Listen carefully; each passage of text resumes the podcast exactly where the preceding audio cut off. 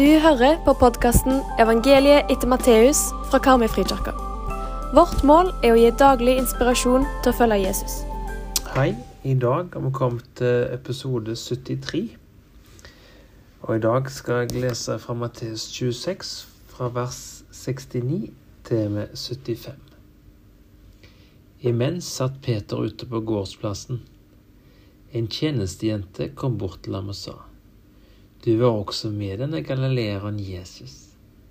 Men han nektet i alles påre og sa, Jeg skjønner ikke hva du snakker om. Da han gikk ut i porthvelvingen, fikk en annen jente øye på ham og sa til dem som sto der, Han der var med Jesus fra Nasaret. Peter nektet på ny og sverget på det. Jeg kjenner ikke denne mannen. Litt etter kom de som sto der bort til Peter og sa, Visst er du en av dem, du også, dialekten røper deg. Da ga han seg til å banne og sverge, Jeg kjenner ikke denne mannen. I det samme gol hanen.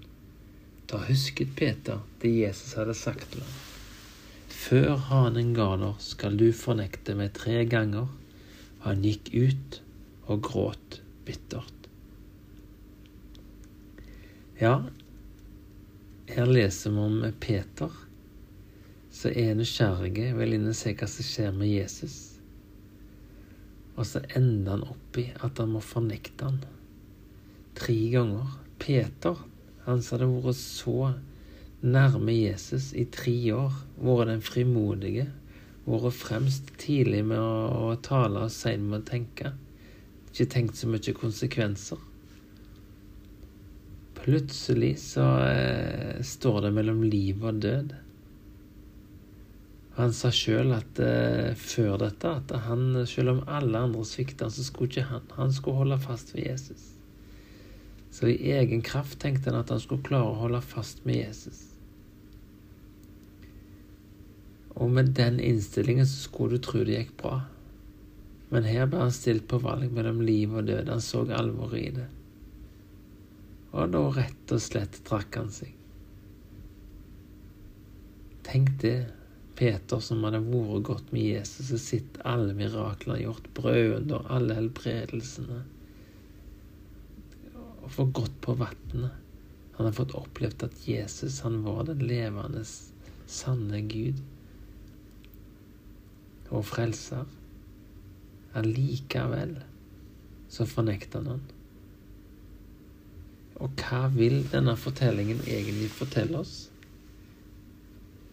Ja, jeg tenker jo For det første så må vi hente vår styrke og kraft i Jesus.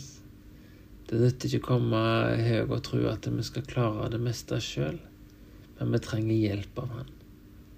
Og det andre er om vi faller, om vi gjør feil, så står Jesus der. Han gir oss aldri opp.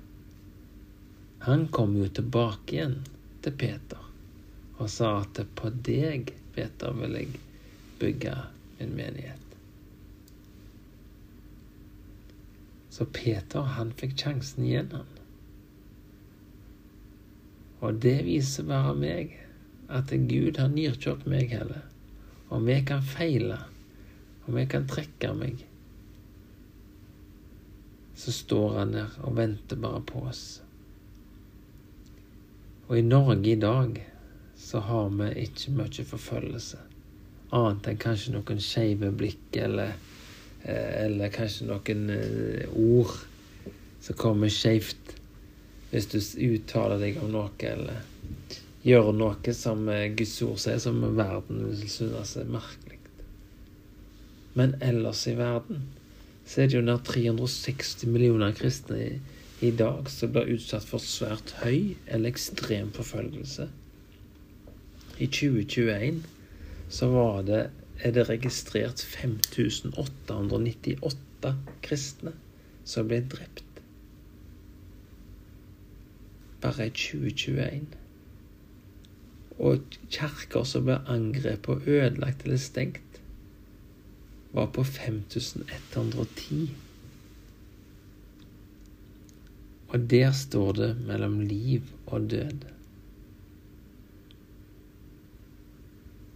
Og de klarer heller ikke å holde fast i egen kraft.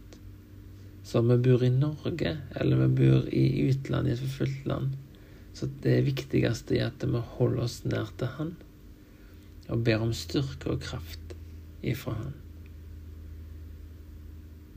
Kjære himmelske Far, vi takker deg for din nåde. Vi takker deg for din miskunnhet. Vi takker deg for din tålmodighet, og vi takker deg for ditt ord, som er til formaning og oppmuntring og trøst. Gud, velsign himmelen over oss, jorda under oss, ditt bilde dypt inni oss og dagen foran oss. I Jesu navn. Amen.